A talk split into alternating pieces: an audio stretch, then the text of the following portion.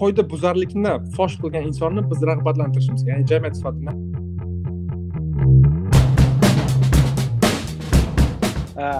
Man встречкаga chiqsam sanga nima degan fikrda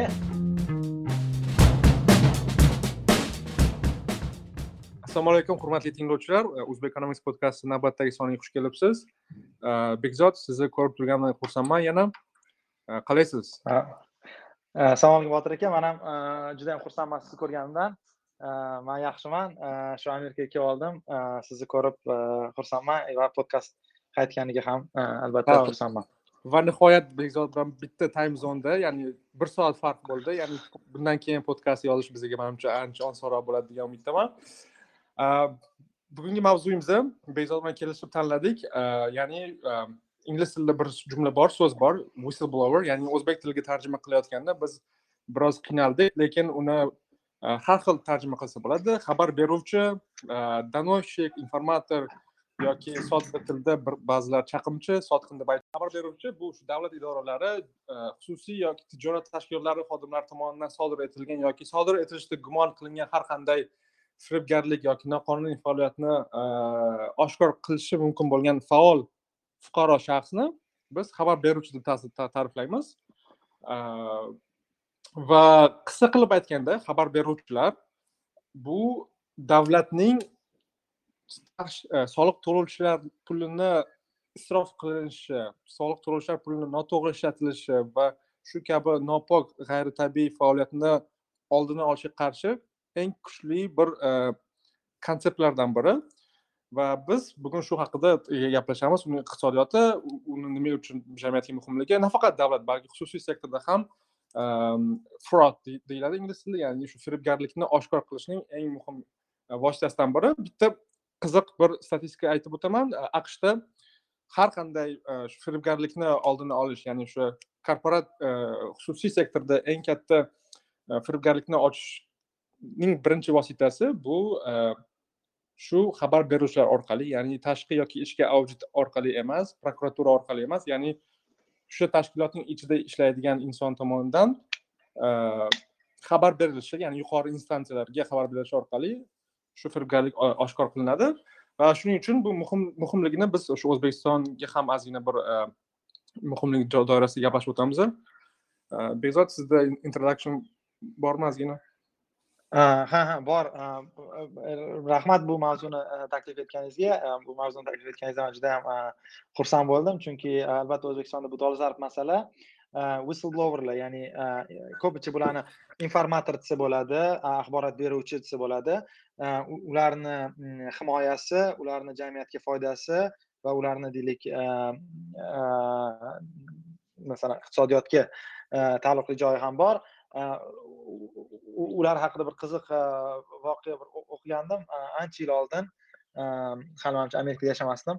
O'shanda shvetsariyani bir banki bor ubs degan hozir tayp qilayotgandim o'shani google qilayotgandim man ham o'sha misolni как раз aytmoqchi edim shu eng eng mashhur misollardan hozir aytdingizu qidirib endi mana shu kompyuterimda o'shani qidiryapman nechinchi yil bo'lganini hozir eslolmadim bir necha yuz million dollar deb o'ylabman оказывается Э, o'sha э, axborot bergan odamga aqsh hukumati bir yuz to'rt million dollar bergan э, masala qanday bo'lgan?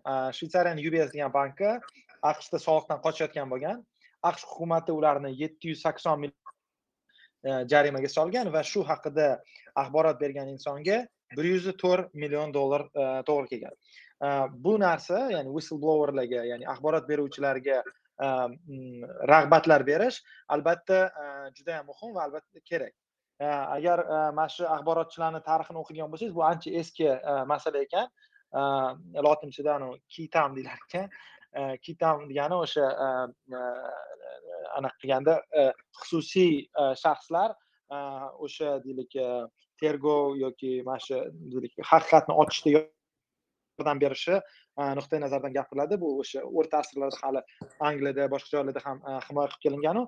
Lekin aqshda birinchi marta anaqa shu konstitutsiya qabul qilingandan keyin ozginadan keyin e, e, konstitutsiya emas e, mustaqillik bo'lgandan keyin mustaqillik bo'lgandan keyin ozgina keyin bu narsa qonunga kiritilgan hali konstitutsiya yozilmagan ham bo'lgan. Shuni aytmoqchiman ya'ni o'sha birinchi marta bir odam endi buni ham o'qib oldim tayinlanishimizdan oldin anaqa o'sha o'sha paytdagi aqsh nima deydi qurolli kuchlarini dengizga qaraydigan bir qismi navy deyiladi o'sha военно морской flot rus tilida o'sha flot flotni bir ishchisi flotda bo'layotgan bir narsalar haqida xabar berganda o'sha flotni rahbari generali uni jazolashgan va shuni shuni oldini olish uchun uh, kontinental kongress o'sha uh, bir ming yetti yuz yetmish sakkizinchi yilda uh, whistleblower protection law degan narsa bor ya'ni o'sha axborot beruvchilarni himoya qilish qonunini joriy qilishgan va shundan beri bu an'ana ishlab kelmoqda. Nechidir marta qonunlar o'zgartirilgan har har o'n yil har besh yil o'sha axborot beruvchilar haqida qonunlar o'zgaradi. Lekin mantiq shuki qing'ir ishlar bo'layotgan bo'lsa jamiyat puli bilanmi davlat puli bilanmi korxona puli bilanmi va ayniqsa soliq to'lovchilarni puliga e, yoki e, manfaatiga taalluqli narsa bo'layotgan bo'lsa o'sha narsani ikki narsa ikkita e, instrument orqali rag'bat qilish. Birinchisi yuz foiz davlat uni himoya qilishi chunki bu jamiyat uchun foydali ish. Ikkinchisi esa moliyaviy rag'bat berish. Ya'ni siz qanaqadir tashkilotda ishlayapsiz ko'ryapsiz u tashkilot deylik soliq to'lamayapti yoki boshqa narsa. Siz o'sha tashkilot ishchisi sifatida o'sha deylik soliq qo'mitasiga yoki boshqa e, qonun muhofaza qiluvchi idoralarga mm, xabar berishingizga e, qo'rqishingiz mumkinda sizni masalan boshlig'ingiz bor boshqa e, yoki va hokazo va hokazo. Shuni himoya qilish va shunga rag'bat qilish albatta jamiyatga ko'p muammolarni yechishning sababi bo'ladi. Shuning uchun ham bu haqida gaplashish muhim deb bilaman. Ha tinglovchi rahmat. Tinglovchilar savol berishi mumkin. Nimaga aqsh haqida yana gapiryapsizlar deb. Buni sababi bor albatta. Butun dunyoda ayniqsa ayniqsa shu whistleblower ya'ni xabar beruvchilarni fenomeni va ularni himoya qilish tizimi eng rivojlangan joy shu aqshda rivojlangan. Hattoki yevropa ittifoqida ham bu haqida kengroq gaplashamiz lekin yevropa ittifoqida ham va kontinental yevropada mamlakatlarda ham whistleblowerlarni himoya qilish va ularga rag'bat berish tizimi aqshdachalik rivojlanmagan. Bu haqida biroz keyinroq to'xtalib o'tamiz shu tarixini bekzod aytganidek o'sha linkoln linkoln qonuni degan narsa bor ekan o'sha bir ming sakkiz yuz oltmishinchi yillarda qabul qilingan ya'ni o'sha false claims act masalan internetda qarab ko'rishingiz mumkin bu qonun nimani bildiradi ya'ni aynan shu davlatni xarajatlari ya'ni siz davlatni kontrakti bo'yicha ishlayotgan bo'lsangiz davlatni subpoдрядчиki bo'lsangiz va o'sha korxonada ishlasangiz sizni o'zingizni yuqorida turgan menejerlaringiz yoki sizni yuqori turgan e, rahbarlaringiz qandaydir g'ayritabiiy faoliyati tufayli shu davlatning kontrakti asosida ishlayotgan korxona davlatga ziyon keltirsa sizda e, boshlig'ingizga aytmasdan o'zingiz shu davlatning nomidan e, shu bekzod aytgandek kvitam degan konsepsiyasi orqali sizga huquq beriladi. Ya'ni siz o'sha borasiz aytasizki o'sha department of justicega bu keysni ko'tarasiz aytasizki mani rahbarim g'ayritabiiy ishda qo'shilgan masalan medicaid aqsh tibbiyot tizimida o'sha sug'urta davlatning sug'urtasi ya'ni medicaid va medicare bilan ishlaydigan больницаlarda juda katta firibgarlikni aynan shu orqali ochiladi shuning uchun ularni himoya qilish juda ham muhim savol tug'iladi bularni manfaati nima ya'ni o'sha xabar beruvchilar ya'ni qo'pol qilib aytganda hushtakni chaluvchilarni manfaati nima faqatgina pul orqasidan kezishmi? Faqat pulni ketidan quvishmi? Yoki ularda qandaydir e, etika ya'ni e, ko'rgan narsasini aytish kabi narsalar ularni undaydimi degan savol bor. Bu savolga javob tabiiy. E, Bekzod aytgandek eng katta rag'batlardan biri tarixda shu yuz million dollar olgan inson tarixni bir qarasangiz e, ko'rish mumkinki e, davlatga undirilgan yo'qotilgan pullarni o'ttiz foizigacha olishingiz mumkin. Masalan aqshda agar siz ko'rayotgan bo'lsangiz qandaydir g'ayritabiiy faoliyat e, olib borayotgan korxonani qo'pol qilib aytganda sotsangiz yoki kerakli joylarga xabar bersangiz o'sha davlatga undirilgan mablag'ning o'ttiz foizgacha bo'lgan qismini siz olishingiz mumkin. Yana bitta misol yana aqshda eng katta misollardan biri o'sha поворотный moment bo'lgan misollardan biri to'qson bir ming to'qqiz yuz yetmishinchi yillarda vyetnamda urush bo'layotganda pentagonni hujjatlarini bir aqshdagi o'sha shu ishlaydigan inson jamoatchilikka yoygan ya'ni qanday bo'lgan o'sha bir ming to'qqiz yuz yetmish birinchi yilda aqsh hukumati vyetnamdagi urushni asoslab berish uchun qandaydir hujjatlarni qalbakilashtirgan va jamoatchilikka noto'g'ri ma'lumotni bergan lekin aynan o'sha pentagondagi qog'ozlarni jamoatchilikka oshkora qilgan inson aqshda hozir e, e, giroy sifatida qabul qilinadi. Ya'ni uni hech kim chaqimchisan hech kim sanga e, kozyolsan yoki unday deyilmaydi aksincha shuning uchun mana shu misollarni biz keltirib o'tiryapmiz va bu haqida ko'proq gaplashamiz. И bitta narsa bor. Man o'zim o'ylab ko'rdim. Nima uchun ba'zi jamiyatlarda Э, whistleblowerlarni himoya qilish va whistleblower э, э, fenomeni bor ba'zi mamlakatlarda yo'q.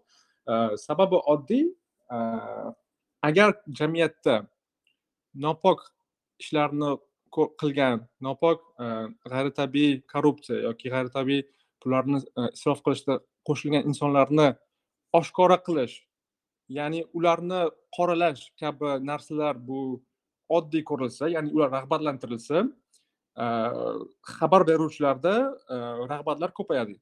Ya'ni moliyaviy jihatdan emas juda ko'p e, tadqiqotlar bor. Ya'ni shu moliyaviy va moliyaviy bo'lmagan jihatlarni ajratishga harakat qilishadi. Va agarda e, tabiiyki siz e, hushtakni chalsangiz sizni ish beruvchingiz sizni bosimga oladi ishdan haydab yuboradi yoki sizga qarshi qandaydir bosim o'tkazadi. Shuning uchun moliyaviy mablag' shunday o'rnatilganki sizning ish yo'qotishingizdan ham ko'proq pul ola olsangiz sizda rag'bat bo'ladi hushtakni chalishga. Mana shunda pulning ahamiyati juda katta. Ya'ni bu pulni belgilanishi odamlarning hushtak chalish orqali boyib ketishi uchun emas balki hushtakni chalsam ish joyimni yo'qotsam ham men o'zimga yarasha o'sha ishimga yarasha qandaydir rag'bat olaman degan ma'noda pul o'rnatilgan. Mana shu joy haqida ham e, biz gaplashsak bo'ladi. Rahmat botir aka man e, hozir aytgan e, pentagon qog'ozlari haqida e, aytganingiz u mani deylik shaxsan eng yaxshi ko'rgan hikoyalarimdan biri nyu yorker uchun manimcha malkom gladwellni maqolasi bor o'sha daniel elsberg haqida. Nihoyatda zo'r maqola barchaga o'qishni talab etaman. Daniel elsberg degan nobel olish kerak bo'lgan iqtisodchi bor edi. Elsberg paradoks degan narsani deylik o'sha o'yinlar nazariyasiga kiritgan. Nihoyatda iste'dodli olim edi va u rand degan korporatsiyada ishlardi o'sha paytda aqshni qurolli kuchlariga qurolli kuchlarni ilmiy institutida va oddiy qilib aytganda butun aqshdagi qurol ko'taradigan odamlarni qiladigan ishlarini ommaga oshkor qilgan ya'ni bu e, e, deylik e, aqshdagi barcha generallar o'sha genshtabdagi o'tiradigan odamlar milliy xavfsizlik deylik kengashidagi odamlarning jamiyatdan bekitayotgan ishlari ya'ni vyetnam urushidagi nima deydi sharoit ahvol haqida ma'lumot shu nuqtai nazardan o'sha paytdagi aqshni vitse prezidenti va prezidenti jamiyatdan bekitayotgan e, narsalarini oshkor qilgan va e, qonunlar yaxshi ishlagani uchun o'sha paytdagi amaldagi e, barcha ijro hokimiyati a'zolari bu narsada aralashgan bo'lgan. Bu nima deydi davlat kotibi ya'ni tashqi ishlar vaziri o'sha aytgandek xavfsizlik qo'mitasidagi barcha rahbarlar genshtabdagi barcha rahbarlar hamma hamma qurolli kuchlarda ya'ni o'sha navy army Э, boshqa marine corps hammasida e, qilayotgan e, xatoliklarni oshkora qilgan va e, shunga qaramasdan hozir o'sha dani valsberg aqshdagi milliy qahramon chunki o'sha narsani oshkor qilishi jamiyat uchun nihoyatda deylik foyda. Lekin men aytadigan narsam elsberg nobel mukofotini olmagan juda yam ko'p siyosiy anaqalarga aralashib ketgan yosh partiyada bu ishni qilgan va deylik hech qachon keyin qaytib fanga qaytmagan.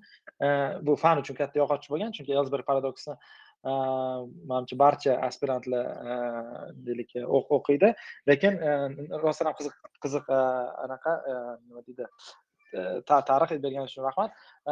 Man hozir bitta narsani o'ylayapmanda masalan nima uchun bir xil jamiyatlarda bu narsaga normal qarashadi va bu narsani ardoqlashadi va bu narsani qiymatini bilishadi. Bir xil jamiyatlarda esa bu narsaga deylik mana shu muammolarni ko'z ko'z qilish yoki muammolar haqida aytishni normal emas deb bo'lishadi. Mana oddiy misol masalan ikkalamiz hozir texnik sabab internet ozgina sekinlashdi ikkalamiz ham aqshda yashaymiz. Masalan moshina haydasangiz agar bolalar kar sitsiz yursa ko'p aqshliklar bolasini kar sitsiz olib yurmaydi. Lekin asosiy qo'rqadigan odamlari bu politsiya xodimlari emas boshqa odamlar. Ya'ni xuddi shunday. kar sitsiz man moshinamni haydasam man deylik politsiya xodimi mani tutib olib shtraf berishidan emas qo'shnim meni shu qilgan ishimga politsiyaga telefon qilishidan ko'proq qo'rqaman. Chunki men qilayotgan ish deylik jamiyat uchun noto'g'ri.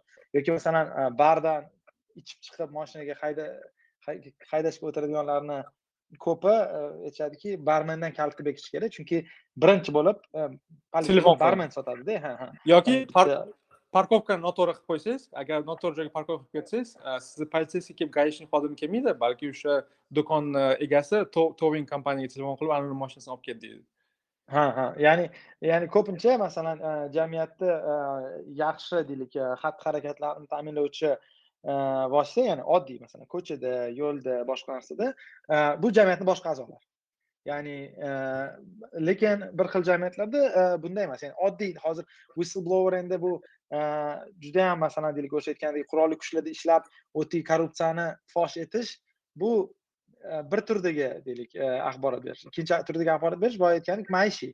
Lekin ikkalasida ham o'sha axborot beruvchiga nisbatan hurmat e'zozlanish ardoqlanish ehtirom va albatta mm, nima desam ekan rag'bat bo'lishi kerak.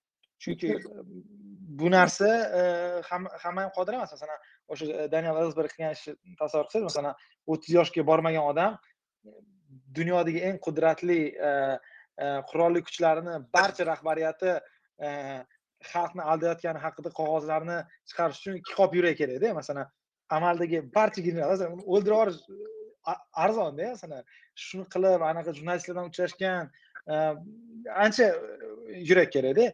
Mana bu ubsni qilgan ishamda masalan yuz million oldi to'g'ri lekin masalan u odamga agar unga nisbatan deylik himoya bo'lmaganida va himoya garantiyaligi bilmaganda katta ehtimol bilan u odam u ishni qilmasdi chunki masalan deylik yetti yuz million dollarlik stavka olib keldi masalan yetti yuz million dollar man bilmayman aqshda killerlarni rassenkalar qanaqa lekin yetti yuz milliondan kam nihoyatda katta raqamlarda masalan odamni fizik hayotiga ham xavf soladigan narsalar lekin o'sha qonunlar ishlaganidan manimcha anaqa hozir yana bitta narsani aytmoqchiman aqshda bor va boshqa joyda bor bizda yo'q va bizga kerak bo'lgan narsa bu anaqalarni nima deydi witness protection deyiladiyu anaqa guvohlarni himoya qilish guvohlarni himoya qilish mana shu e, axborot berganlarni e, himoya qilish bilan guvohlarni himoya qilish bir biriga bog'liq narsalar. Masalan aqshda o'sha e, sudlarga tegishli bo'lgan guvohlarni himoya qilish programmalari man ko'plar kinolarda ko'rganim masalan samolyotga o'tirgandan keyin sizga yangi pasport yangi identifikatsiyalar beradiku o'sha kinolarda rostdan shunaqada ya'ni rostdan ham agar guvoh masalan yaqinda anaqa nima deydi eng katta dunyodagi narkotargovetsga qarshi guvohlik berishdida odamlarga eshitgan bo'lsangiz ularni masalan ovozini o'zgartirib anaqa qilib nihoyatda katta resurs va pul ketkazishgan chunki o'sha narkotargovetslar milliard dollarlar оборот qiladiganlar ixtiyoriy guvohni o'ldirishga deylik qodirda va necha pul bo'lsa ham. Va shularni o'sha deylik janubiy amerika mamlakatlaridan olib chiqib ketib himoya qilib sudga olib kelishga ancha resurs ketkazadi mamlakat. Va guvohlar nima uchun guvohlik beradiki biladi e, hukumat meni deylik e, himoya qiladi bu narsada yuz foiz kafolatlangan butun umr deylik man hech narsaga muhtoj bo'lmayman degan bir rag'bat orqali e, shu narsa amalga oshadi. O'shanga mana ikkita narsa manimcha bog'liq. Endi guvohlar ba'zi ba'zi jamiyatlarda biz bilamiz guvohlar ayblanuvchi va oxirida chiqadi. Shuning uchun albatta bu bu narsa ishlanishi ya'ni shu whistleblower shu hushtak chaluvchilarni himoya qilish va rag'batlantirish sud tizimi ya'ni o'sha savolga yana javobga qaytib kelyapmiz. Ya'ni sud tizimi rivojlangan sud sud inson huquqlarini muhofaza qilgan va shu kabi jamiyatlarda albatta biz yuqorida aytib o'tayotgan narsalar ishlaydi va agar jamiyatda e, sud tizimi yaxshi ishlamagan bo'lsa ya'ni har bitta shu hushtak chaluvchi insonning e, maqsadini negizida bitta narsa yotadi. U biladiki noqonuniy narsani fosh qilishi orqali qonun organlari qonunni muhofaza qilish organlari uni yonini albatta oladi. Ya'ni e, oxir oqibatda mana shu whistleblower har bir keysni tagida o'sha insonning o'zi emas balki inson ko'tarib chiqqan fenomen inson ko'tarib chiqqan ma'lumot yotadi. Ya'ni inson ko'tarib chiqishi mumkin lekin inson ikkinchi darajaga o'tgan holda u fosh qilgan narsa orqali e, qonunlar o'zgaradi. Butun masalan shvetsariya siz aytgan misoldan so'ng e, aqsh bilan e, soliq kelishuvini o'zgartirib yuborgan ya'ni shu bitta keysdan so'ng. Yana bir narsa yuqorida aytib o'tdingiz aqshda masalan odamlar politsiyadan emas jamiyatning o'zidan qo'rqadi dedingiz. Yana bitta qiziq narsani ko'rishimiz mumkin. Har safar aqshda qandaydir qotillik bo'lsa yoki qandaydir otishmalar bo'lsa o'sha qotillarni birinchi navbatda politsiya topmaydi. Uni birinchi bo'lib o'z qarindoshi yoki o'z qo'shnisi yoki sinfdoshi birinchi bo'lib uni topib berishadi. Ya'ni aqshda eng yomon narsa bu sizni uyingizga politsiya kelib sizni olib ketishi emas balki sizni qo'shningiz yoki hattoki qarindoshingiz sotib berishi. Chunki bu etik nuqtai nazardan Э, to'g'ri deb qabul qilinadi. И yana bitta narsasini o'ylab qoldim. Nima uchun aqshda bu kuchli va yevropada masalan bu juda ham e, yaxshi rivojlanmagan. Ya'ni bir xil mamlakatlarda shu guvohlarni qo'llab quvvatlash yoki shu xabar beruvchilarga qarshi kompaniyalar ham bor. Chunki e, speak up ya'ni ko'rgan narsangni aytish kulturasi yevropada biroz rivojlanmagan. Aqsh biz bilamiz e, o'ta individualistik Э, jamiyat hisoblanadi. Э, Yevropada esa bir masalan misolni keltirib o'taman ikki ming o'n beshinchi yilda e, bekzod agar siz esingizda bo'lsa aqshda bo'lganingizda volkswagen mashinalarida bir skandal bo'lganda ya'ni ular atrof muhitga e, yomon e, zarar keltirish natijasida aqshda uni imijiga katta putur yetdi lekin tekshiruvlar shuni ko'rsatdiki ikki ming o'n beshinchi yildan ancha yil avvallari xuddi shu narsa volkswagenni ichidagi katta rahbarlar orasida ko'tarilgan ekan. Lekin o'z vaqtida bu masalani ko'tarib chiqishmaganligi uchun xodimlar e, bunga e, e, bartaraf eta olishmadi. Ya'ni siemensda ham shunday bo'lgan. Bir qancha mamlakatlarga korrupsiya sxemalariga siemens qo'shilishi orqali katta putur yetgan va bu kabi hodisalar yevropada emas aqshda bo'lganda bu allaqachon yechilar edi. Masalan enron yoki worldcom degan korxonalar ikki minginchi yillar boshida aqshda eng katta o'sha moliyaviy firibgarlik e, shu korporativniy e, sektorda eng katta e, firibgarlikda ayblangan korxonalar ham asosan o'sha whistleblowerlar orqali yuzaga chiqqan. Adashmasam ikki ming birinchi yoki ikki ming ikkinchi yilda har yili chiqadigan time magazin ya'ni yilning insoni deb chiqadigan time jurnalida ikki ming birinchi yoki ikki ming ikkinchi yilda uchta odam chiqqan. Ular ham whistleblowers ya'ni uchta sotqinlarni yilning insonlari deb ta'riflashgan ulardan ikkitasi aynan shu worldcom va enron e, korxonalaridagi moliyaviy firibgarlik va moliyaviy e, nopoklikni oshkora etganligi uchun ularni butun bir jamiyat e, qandaydir bir qahramon sifatida qabul qilishgan. Shuning uchun bir biz bitta bir har bir suhbatimizni tagida bir ushbu suhbatimiz tagida bir asterix deymiz qo'yib ketishimiz kerak. Zaif institutlar va yomon sudlar yoki e, sudlarning e, sudlarning e, ishlashi mustaqil bo'lmagan jamiyatlarda bu kabi jarayonlar unchalik yaxshi ishlamaydi va va ikkinchidan jamiyatning o'zida bir shunday tushuncha bo'lishi kerak.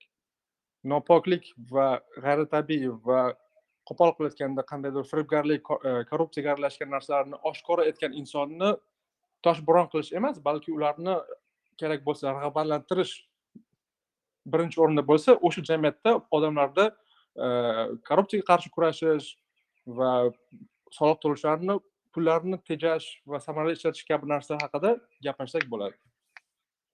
Ha rahmat. E, Esingizda bo'lsa bundan oldin biz e, daraxtlar kesish haqida siz bilan gaplashgandik shu podkastda. O'shanda siz aytdingiz behzod qanaqa qilib daraxtlarni saqlab qolsa bo'ladi deb so'raganingizda aytdimki daraxt kesilayotgani haqida xabar bergan odamlarga там besh o'n million so'm berish kerak ya'ni shu daraxt kesadigan odamni deylik. O'ttiz million so'mga shtraf qilamiz o'n million so'mini deylik o'sha xabar bergan odamga bersak masalan kechayu kunduz butun mamlakat har bitta daraxt tagida turadiki kimdir kessa deylik anaqa qilaman nima deydi o'sha xabar beraman degan o'shanda bitta o'sha agar daraxt misoliga qaytadigan bo'lsak kim to'laydi degan narsa borda masalan daraxtni kesgan odam agar davlatga shtraf to'lasa o'sha shtrafning qaysidir qismi insonga qaytib kelishi kerak. Lekin agar aytaylik qo'pol qilib hokimiyat daraxt kesayotgan bo'lsa hokimiyat shtraf to'laydi goskom ekologiyaga va anavi kesganni oshkora qilgan odamga qaysidir qismi keladi. Lekin oxir oqibatda soliq to'lovchi yana shtraf to'layotgan bo'ladi. Ya'ni bizda e, shu joyda yo'q endi masalan agar daraxt noqonuniy kesilayotgan bo'lsa o'zi ish noqonuniy bo'layotgan bo'lsa davlat organi emas davlat organi qaror qabul qiluvchi jarimaga tortiladida. Masalan o'sha kim aytdi o'sha kim prikazni berdi borib daraxtni kesishga? Masalan o'sha falonchi masalan deylik. O'sha daraxt kesuvchi departament bormi yo'qmi o'sha departament boshlig'imi boshqami u shaxsiy e, e, anaqa mas'uliyatni oladi ha chunki ijro hokimiyatida u e, odamlarda masalan putur yetkazsa boshqa qilsa u shaxsiy javobgarligi anaqa emas. Institutsional javobgarlik yo'q ya'ni masalan hokimiyatni xodimi qilsa bu hokimiyatni muammosi emas u aynan o'sha xodimni qilgan noqonuniy bir xatti harakatlari bo'ladi. O'shaning uchun o'ylamayman o'sha o'sha deylik e, prikaz bergan xodimni shtrafini e, qismi e, beriladi deb o'ylaganman lekin hozir bu albatta muhim mavzuku lekin yana bir narsa haqida aytyapman aytyapsiz mana bir xil mamlakatlar bunaqa bu yevropada man bitta narsani aytganman yoki o'ylaganman ko'pincha. Masalan aqshda eski kinolarni ko'rsangiz westernlarni mundoq bittasi yugurib keladi otda aytadiki sizlarni shaharinglarda mana bunaqa bezori qamoqdan qochibdi yoki boshqa shahardan qamoqdan qochib bu yoqqa kelayotgan ekan desa shahardagi hamma o'zini vintovkalarini olib otlarga o'tirib qidirishga harakat qiladida e, uni pul pul evazigami pul pul beradimi bermaydimi endi mayli o'zi qidirishga harakat qiladi. E, lekin e, masalan sibirda anaqa kgb kelib mana shu gulagdan kimdir qochibdi desa o'sha qishloqdagilar ha rahmat deydi podorga bekitib qo'yib ovqat beradida endi o'sha qamalgan odamga sababi nimada? Sababi e, bir mamlakatda e, adolat ya'ni o'sha odam qamalganligi degani bu yoki e, o'sha odamga qarshi ish bo'lgani jinoyat topilgani haqiqatga yaqinroq ehtimoli kattaroq. Ya'ni aqshda ham sud tizimi adashadimi adashadi lekin foizda ancha kamroq bo'lgani uchun normalda misol uchun kimdir deylik o'shanaqa qamalgan boshqa bo'lsa katta ehtimol bilan rostdan ham yomon odam bo'lsa kerak deb odamlar uni qidirishga harakat qilishadi. Sobiq ittifoq tizimida esa judayam ko'p odamlar adolatli va adolatsiz aralash ho'l quruv bir xil yongani uchun e, qamalgan odam yoki shu bir yomon ish qilib e, anaqa bo'lib qolgan odam e, teng yomon odam teng jinoyatchi degan narsa yo'q. Masalan qamaldi degan jinoyatchi emas qamalmadi degani jinoyatchi emas emasanda ya'ni shu qismi ham borda. Har hamma jinoyatchilar anaqa jazo ko'rmaydi hamma jazo ko'rganlar jinoyatchi emas.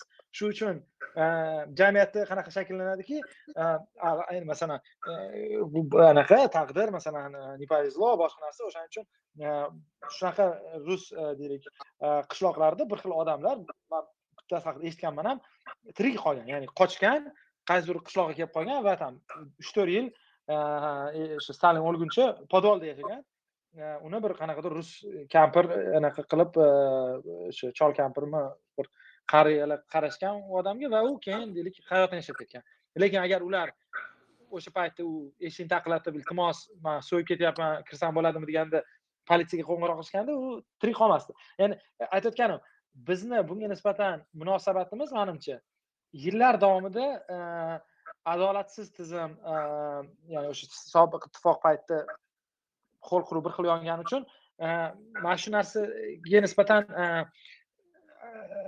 munosabatimiz o'zgarganmikin deb o'ylayapmanda.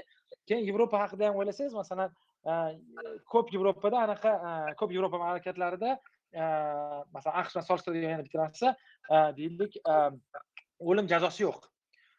Va ko'plar qiziqadi nima uchun yevropada o'lim jazosi yo'q aqshda bor nima uchun deylik odamlar bu yoqda buni yaxshi deb biladi bu yoqda buni yomon deb biladi. Sababi shuki aqshda mana shu ikki yuz necha yildan beri siyosiy tizim o'zgarmay kelganda a yevropada e, siyosiy tizimlar o'zgarib e, e, masalan adolatsiz odamlar qamalgan otilgan bo'lgani uchun ularda immunitet shakllanganki yo'q kelinglar o'lim jazosini qo'ymaylik chunki ertaga bu xato bo'lgan bo'lsa biz anaqa qilamiz degan. Shu uchun man o'ylayman mana shu narsaga nisbatan odamlarni munosabati oxirgi o'n yilda emas oxirgi yigirma yilda emas balki yuz yilda ham shakllangan bo'lishi mumkin. Ya'ni shu otadan bolaga ham o'tishi mumkinda ya'ni qo'rquv adovat yoki deylik masalan siz aytganingizdek chaqimchilarni yomon ko'rish bu ham qanaqadir jamiyatda shakllanib qolgan bir his tuyg'ular да to'g'ri rahmat. Kattakon e, farqlari manimcha tinglovchilarimizga e, tushunarli bo'ldi. Nima uchun aqsh masalan yoki biz osiyo yoki yevropa mamlakatlarida. И bitta narsa albatta aytib o'tish kerak. E, Whistle blower bilan informatorlar ikkita masalan chaqimchilar ikki turi borda masalan qoida buzilganini qonun buzilganini ko'rgan odam ma'lumot bersa bu boshqa lekin kimningdir ustidan bir то есть lik qilgan u boshqa narsada masalan whistleblower aqshda qanaqa ishlaydi masalan siz ko'rdingiz g'ayritabiiy narsa bo'lyapti birinchi bo'lib siz o'zingizni boshlig'ingizga aytmaysiz siz o'zingiz department of justice orqali borasizda aytasiz davlat hukumatiga man ishlayotgan joyda ko'ryapman davlat qurgan anavi bir obyekt biz olgan edik lekin mani boshlig'im pulni cho'ntagiga urib yubordi qo'pol qilib aytganda yoki davlat bizga bergan tenderni biz e, mani boshlig'im pulini yeb ichib yubordi deb e, department of justice ya'ni adliya vazirligi aytadi. Va adliya vazirligi e, anu anavi ishchini boshlig'iga сразу aytmaydi birinchidan tekshiradi adliya vazirligi. Buni bu inson to'g'ri aytyaptimi to'g'ri aytmayaptimi? Hujjatlarini tekshiradi. O'zi mustaqil tekshiruv olib boradi. Va agar oxirida shu anavi hushtak chalgan odamning gaplari to'g'ri bo'lib chiqsa keyin rasmiy ravishda sud e, jarayoni boshlanadi. Mana mana shu o'tgan vaqt davomida birinchidan e, o'sha adliya vazirligi dalillarning haqqoniyligini tekshiradi ikkinchidan ana hushtak chalgan insonga vaqt beryapti. Shu vaqt mobaynida san e, kutilayotgan bosimga qarshi qanday ish qilishing mumkin boshqa ish topishing mumkin yoki ko'chib ket va shunga o'xshagan narsalarga vaqt beryapti va tabiiyki Э, yolg'on ma'lumot orqali hushtak chalgan insonlarga qarshi e, ham choralar ko'riladi. Ya'ni bu e, bu ketidan faqat aldov orqali pul qilaman degan insonlar albatta e, uzoqqa bormaydi. Va bu ochig'ini aytsam bu mavzuni tanlash va bu mavzu haqida gaplashishga turtki bergan narsalardan biri.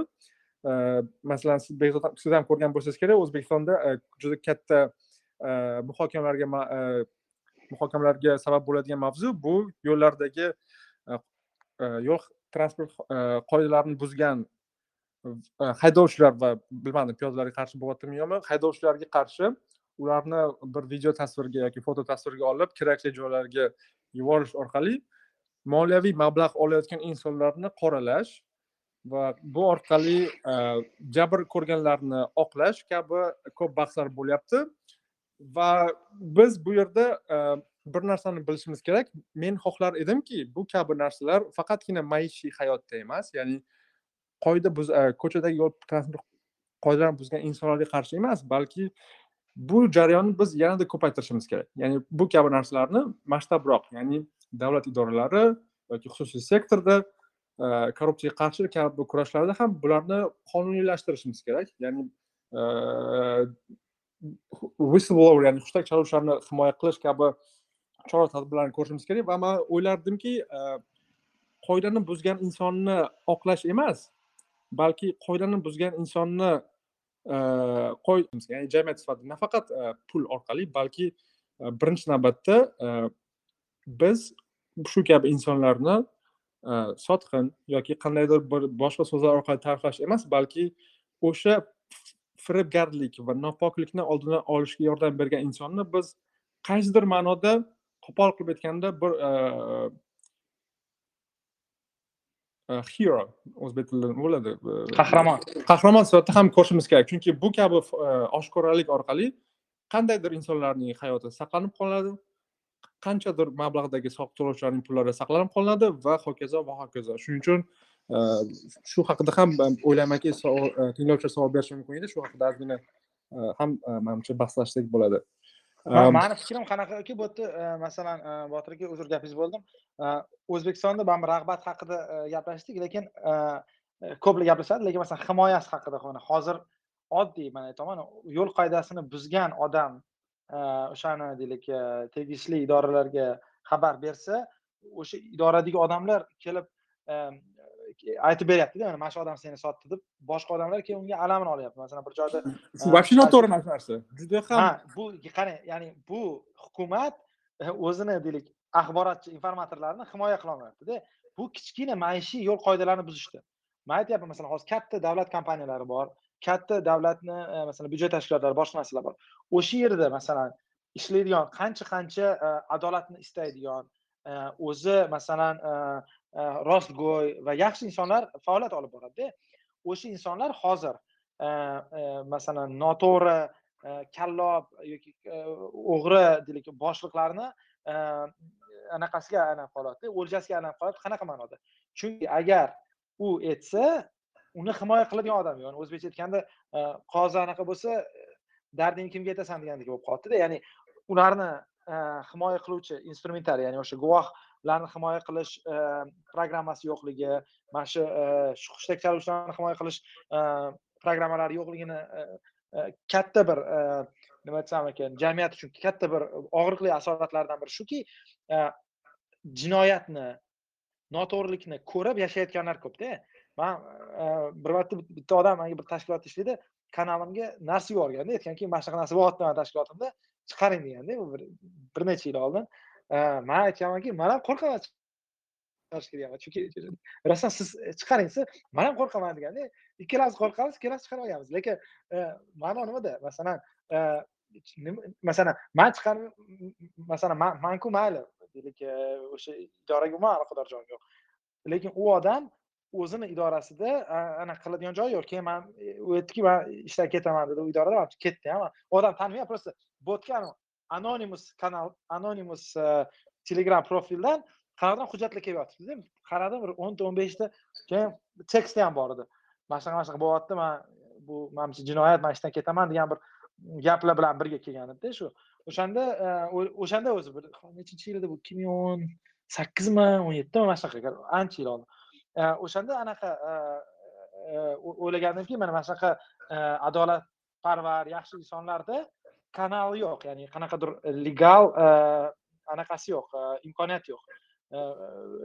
Va shu shu kabi kanallar ham anonim tarzda ham bo'lishi kerak. Masalan ya'ni ko'p eng muhim bir mexanizmlardan biri aqshda bunday odamlar anonim ravishda tip berishi mumkinda. Masalan hotline bor yoki har bir korxonalarda internal ichki auditdan tashqari butunlay mustaqil e, telefon hotline bor. Telefon qilasizda u xohlagan e, ismingizni familiyangizni aytmagan holda e, ma'lumotni berishingiz mumkin. Shuning uchun manimcha siz aytgan misolda ham dardini aytishga hech kim bo'lmagandan so'ng odamlar shu kabi choralarni topadi va masalan manga ham shunaqa sizga o'xshagan narsa bir ikki marta yozishgan edi. Lekin bu albatta qayg'uli va agar yana bir marta o'zbekistonga bir yaqqol misol qiladigan bo'lsak aqshda yana bir narsa borki agar siz avtomobil zavodlarida yoki qandaydir bir maishiy bir zavodlarda ishlasangiz defektlarni ko'rsangiz masalan boingda avariya bo'ldi masalan qachon bo'ldi airjet ikki ming esimda ikki ming o'n sakkizmidi ha ikki ming o'n sakkiz o'shanda bir narsa bor ediki agar o'sha оказывается mana shu falokatni oldini olish mumkin bo'lgan edi chunki o'sha bir zavodda ishlaydigan inson o'sha boyingni defektini bilgan ko'rgan va uni ko'tarib chiqqan. O'z boshlig'iga aytgan hey e, odamzod e, bu bu e, detal noto'g'ri turibdi ertaga avariya bo'lishi olib keladi desa albatta tabiiyki boshlig'i buni bosdi bosdi qilishga harakat qilgan va mana narsa katta shu misol katta yuzaga chiqdi va buni negizida agarda o'sha inson mustaqil ravishda boshlig'iga emas balki undan yuqori turgan organlarga anonim ravishda yoki o'zini tanishtirgan holda aytganda biz yuqorida aytib o'tgandek insonlar hayoti ham saqlanib qolgan bo'lar edi va ya'ni narigi inson qahramon sifatida bo'lar edi shuning uchun aqshda ham xuddi shunaqa masalan biz ko'ramiz blogerlarimizni masalan mashinasi bo'ldi unaqa ekan bunaqa ekan deydi lekin aqshda bu qonunlashtirilgan ya'ni mashinani qaysidir joyi defekt bo'lsa siz bilasiz bu insonning qaysidir ya'ni inson o'limiga olib kelishi mumkin bo'lgan defektni ko'rsangiz siz albatta o'sha false claims act yoki quitam degan narsa orqali xabar berasiz va siz aqshda masalan aqshda yangiliklar chiqadi gm to'xtatib qo'ydi o'zini yoki qaytaryapti o'ttiz ming o'ttiz millionta partiyasini qaytaryapti degan xabarlarni orqasida aynan mana shu blogerlar turadi. Ya'ni e, mana shularni biz rag'batlantirishimiz kerak. Ya'ni toshbo'ron qilish emas balki ularga kerakli rag'batlar va eng muhimi himoyani e, taqdim qilishimiz kerak.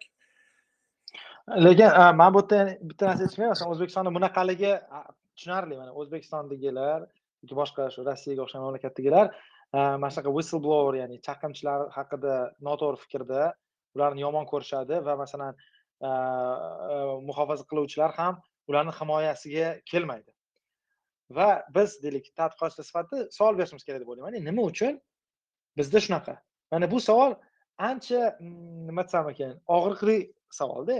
Manda ikkita nazariyam bor. Ikkovi ham xato bo'lishi mumkin lekin xohlasangiz eshitib ko'ring. Mana birinchi nazariya qanaqa? Masalan e, o'sha rasmga olib e, shtraf qilish haqida. Endi man toshkentda bo'lganimda bu diskussiyaga e, involuntarily ya'ni xohlamagan ravishda ko'p duch kelishimga to'g'ri keldi.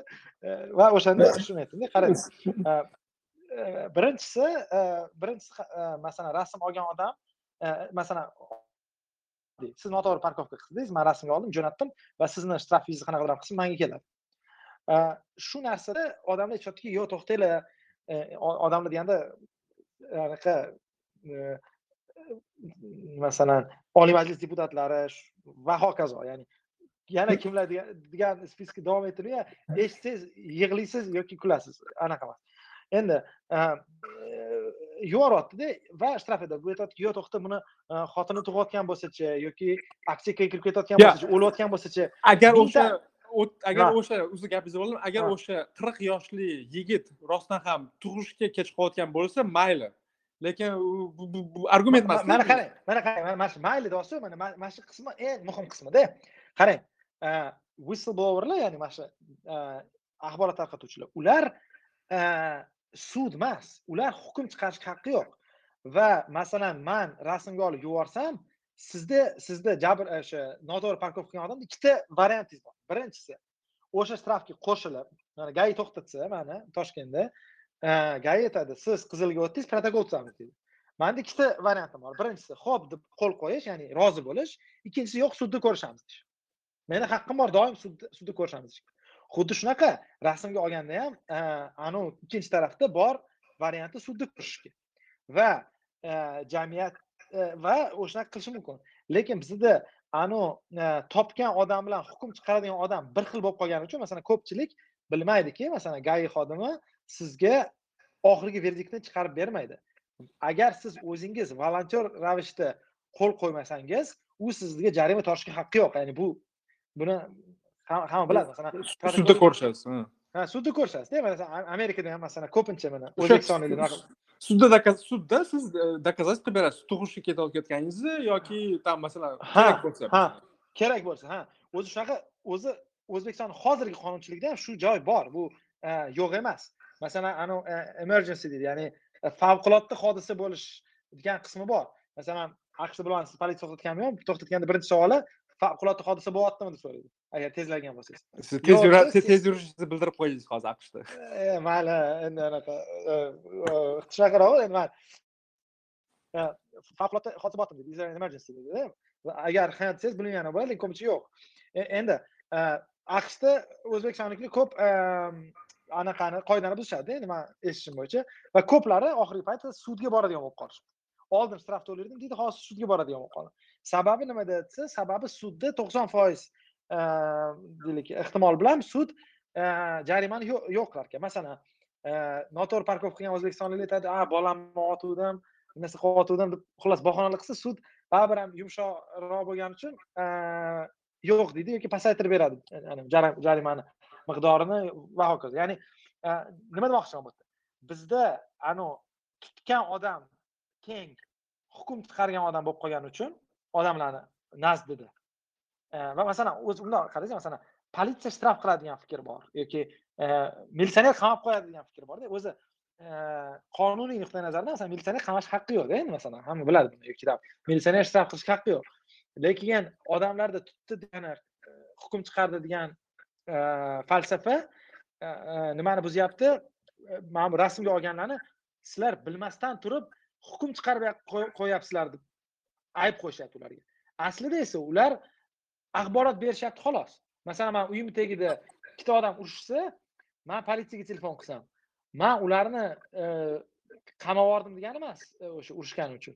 Man axborot berdim va tegishli deylik idoralar u bilan shug'ullanishadida mana mana shu logika yo'q bu birinchi. Nima uchun yomon ko'rishadi deganda mani fikrim bir ular o'ylashadiki e, axborot bergan odam teng hukm chiqargan noto'g'ri hukm chiqaryapsizlar deb o'ylashadi. Bu birinchi deylik nazariya. Ikkinchi nazariya bu bilasizmi qanaqa? Masalan ikkita turdagi anaqa borda munosabat borda jazoga.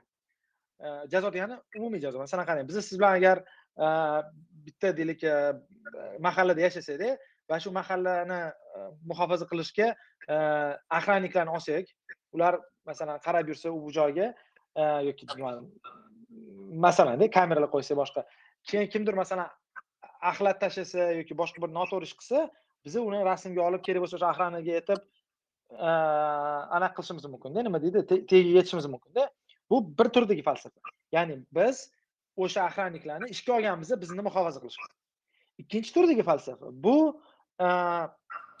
nima desam ekan anaqada okupantlarga nisbatan bo'lgan отношениядagi masalan agar biz biz masalan siz bilan majburiy paxta terishga borsak yoki e, masalan masalan deylik qamoqxonalarda nima uchun bunaqa? Masalan qamoqxonada ko'pchilik e, o'zini xohishiga qarshi qamoqxonada o'tiradida o'shanga e, politsiya xodimlariga nisbatan qamoqxona ichida o'tirganlarni munosabati shunda. Ya'ni ular politsiya xodimlari bilan kollaboratsiya qilishini yomon ko'rishadi. Nima uchun? Chunki ular o'z xohishiga qarshi bu bu yerda. Lekin ochiq jamiyatda biz o'z xohishimiz bilan охрана olgan bo'lsak o'sha mahallaga. Unda kollaboratsiya normal hisoblanadi. Ya'ni mahallada охранник bilan gaplashib qarab turib u yoqqa bu yoqqa qarab tur deyish normal. Qamoqxonada masalan o'sha qamoqxona ishchisiga qarab tur deyish nenormal chunki bu narsada e, xohish bor bu narsada xohish yo'q. Masalan paxta terishga bordikda siz bilan masalan man muxliyat qilsamda masalan deylik yuz kilo emas ellik kilo paxtani yarimga tosh terib topshirsam siz keyin aytsangiz masalan man begzod ellik kilo topshir desangiz bu normal sizga nima deymanda masalan farqi yo'q emasmi baribir ikkalamizni ham bu olib kelishga majburiyat bor. Lekin majburiyat yo'q narsada masalan ikkalamiz paxta terib pul qilishimiz kerak bo'lsa unda aytishingiz mumkinda tosh aralashtirasiz deyishingiz mumkinda. O'shanga man o'ylaymanki mana shu ikkita nazariya birinchisi hukm teng ya'ni axborot teng hukm bu muammo. Ikkinchi muammo bizda mana shu muhofazaga nisbatan falsafa xuddi majburiyat bor ya'ni biz endi ijro hokimiyatini politsiyani va shu shu tariqa gaini ishga olganmiz endi masalan fuqarolarni sifatida. Shunaqadek qaramaymizda ularga ularga xuddi bir anaqalardek qaraymiz majburiyat qilayotgandek qaraymiz agar o'sha biz rahmat kattakon o'sha siz aytgan boshlagan misolingizga qaytadigan bo'lsak konkret misol kimdir baribir hozir sahnani ochsak kimdir so'raydi baribir ham xo'sh mayli Ehm, o'sha parkovka qilgan yoki скоростni oshirgan haydovchini rasmga olib yubording. Ehm, lekin narigi tarafdagi bir e, argument shundan iboratki e, eng e, eng ko'p tarqalgan argumentlardan biri birinchidan infratuzilma yo'q edi deydi. Ko'chada uzun emas edi ko'chada palasa yo'q edi. Shuning uchun nima qilibdi встречаga chiqib ketgan bo'lsa shuni endi birodarimizni bir rasmga olib sotishimiz kerakmi degan falsafa bir hukmron ekan. Afsuski e, mana shu savolni biz biz biz manimcha buni e, to'g'ri e, to'g'ri tomonidan manimcha ko'p gaplashishimiz kerak. Chunki bilmadim nima deysiz? Masalan mani eng ko'p qiynagan narsa shuki nima uchun biz shu nuqtaga yetib keldikki hatto insonlarni hayotiga xavf qo'yadigan va insonlarni hayotini ko'z yumishiga olib kelishi mumkin bo'lgan bir hodisalarni fosh qilish natijasida shu kabi hodisalarni kamaytirishga harakat qilishimiz nima uchun bu bizni bir nima uchun? Ha nima uchun bizni bir sotqin qilib qo'yapti degan narsa o'ylantiradida. Shuni shu shu narsa manimcha rag'batlar tizimi va o'sha umuman bilmadim mani shu qiynayotgan narsa mana shu man qarang mana botir mana qarang mana zo'r misol keltirdingiz man встречкаga chiqsam sanga nima degan fikrda siz aytayotgan. Bu fikr ishlaydiki agar agar biz o'zimizni xohishimizga qarshi bir environment nima bo'ladi? Muhitda bo'lsak. Ya'ni mana masalan qarang boya aytgan masalan qamoqxonadagilar nima uchun e, sotqin kozol va boshqa bir jargoni borda? Anaqa bilan e, deylik o'sha muhofaza qiluvchilar bilan e, til biriktirganligi nisbatan nihoyatda boy jargoni bor. Sababi shundaki ular hammasi o'z ixtiyoriga qarshi u yerda joylashgan va ular o'sha kelganlarga okupant nuqtai nazaridan ularga nisbatan zulm o'tkazish kerak bo'lgan bir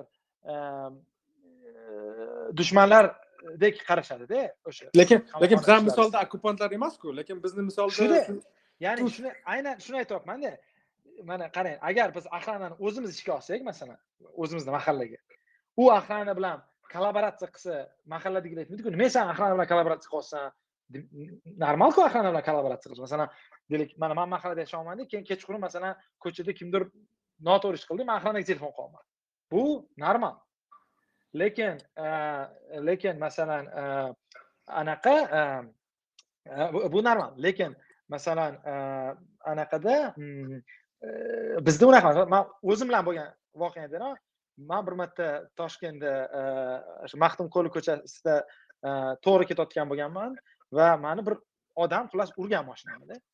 Mashinamni urganda и yoshlari kattaroq odam edi. Jahli chiqib mani mashinamga kelib yugurib kelib nimaga mani urding? deb moshinamga taqlashni boshlagan keyin man o'ylaganman hozir tushsam endi ishkal bo'ladi urishamiz masalan mani ursa mani urishimga to'g'ri keladi yoshi katta odam. Короче nima qilganman oynalarimni yopganman konditsioner yoqib muzikani baland qilib eshikni qulab olganmanda nol ikkiga telefon qilganman nol ikki telefon qilgan aytgan mana shunaqa mana bittasi moshinamni urdi hozir короче eshigimni taqillatyapti anaqa bilmayman nima holatda mana. Hayotim xavf ostiga qo'yyapti yo'q yo'q hayotim xavf ostiga qo'ymayapti unaqa demaganman ya'ni man bilyapman u odam qizishyapti yani issiq kun yoz e, e, mani urib olgan e, mana shunaqada endi bir yaxshi ahvolda emaslarda u odam. Masalan chiqsa ishkal bo'ladi yuz foiz. Keyin qancha duramdan keyin o'sha gai xodim kelyaptida keyin man gai xodim kelib deydida nimaga siz nol ikkiga telefon qildingiz man hal qilaverardim deyaptida. Man aytaman siz o'sha idorada ishlaysiz kerak deyapman nima anaqangiz bor? Nima bu ancha yil oldin ikki ming o'n beshinchi yil bo'layotgan gap. E, e, e, ya'ni xodimni o'zi man nol ikkiga telefon qilganimdan norozi bo'lganda shunaqa hal qilsak bo'ladi aytdim mana shunaqa bo'ldi. Mana shunaqa oki taqillatdilar anaqa masalan so'kib taqillatyaptida keyin amin bo'lganlar u xato qilganlariga ya'ni o'sha ya'ni ular urganlariga lekin o'sha paytda urgan man urganman deb o'ylaganlarda. Endi aytmoqchi bo'lganim buni mana shunaqa oddiy anaqalarda ham biz politsiya bilan kollaboratsiya qilish yoki masalan man o'shanda politsiyani chaqirganim ikki ming o'n beshinchi yil toshkent o'sha odam tomonidan ham militsiya xodimlari tomonidan ham g'alati narsaga ko'ringanda men aytaman kimni chaqiringlar masalan akamni chaqirayman nima bu razborga chaqiramanda o'zbekiston sharoitida yo'l transport hodisasi tushganda birinchi bor politsiyaga emas albatta tanishlarga telefon qilinadi. O'zbekiston. Yo'q masalan man aybdor emas edi mani u odam urdi moshinasida yuz foiz ikki xil interpretatsiya yo'qda chunki ikki xil interpretatsiya bo'lganda mani aybdor qilishardi politsiya xodimi bilan u odam. Chunki mani yomon ko'rib qolishdi nol ikki telefon qilganim lekin o'shada boshida aytilgan narsada ya'ni guvohlar oxir oqibatda ayblanuvchi bo'lib qolgan qolishi mumkin bo'lgan jamiyatlarda bu kabi narsalarni tadbiq qilish oson bo'lmaydi deb o'ylayman ha yana yana bir misol aytaveraman mana shu qiziq misol yana o'zbekistonda bo'lgan. Bu hozir aytayotgan gaplarga anavi okupantlarmi degan savolga bir fikrda bittasi aytyapti domda yashayapman deyapti. Ro'paramdagi domda baland muzika xullas anaqa kayf qilishyapti anaqa e, keyin dedi man e, chiqdim domga dedi. U yerda hamma anaqa ichgan u bu hech kim it egasini tanimaydi keyin e, nima qildim? Politsiyaga telefon qildim politsiyaga telefon qildim o'sha militsiyagada endi. Keldi dedi militsiyada a kelishidan ozgina oldin dedi o'sha muzika chalayotgan kolonkani to'rtinchi etajdan tashlab yuborishdi sindi kolonkada sindi dedi и jim bo'lib qoldi kolonka keyin dedi politsiya kirdi dedi. Soat masalan birmi man bilmayman politsiya keldida dedi qarasa jimjit u uyda chunki kolonka yerga tushib singan keyin anaqa keyin короче bir o'n minutdan keyin deydi mani eshigimni taqillatyapti nima taqillatyapsan desam san ложный вызов qilding deyapti. Hech qanaqa anaqa yo'q deyapti. U aytyaptiki yo'q deyapti. Man ложный вызов qilmadim deyapti. Mana shu telefon qilganimda rostdan ham mana shunaqa edi deyapti. Keyin deydi ishonasizmi? deydi. Uch marta politsiyaga borib anaqa yozganman deydi tilxat yozganman.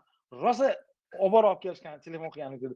Umuman boshqa ikkinchi telefon qiladigan qilib qo'yishgan. Chunki e, nima ложный вызов qilding anaqa aldading tuda shuda e, mani olib ketishgan deyapti politsiya. Ya'ni u uyga kelishgan singan kolonkani ham ko'rishgan deyapti lekin oxiri baribir protokol bilan siqish uchun e, mani anaqa nima deydi sarson qilishgan deb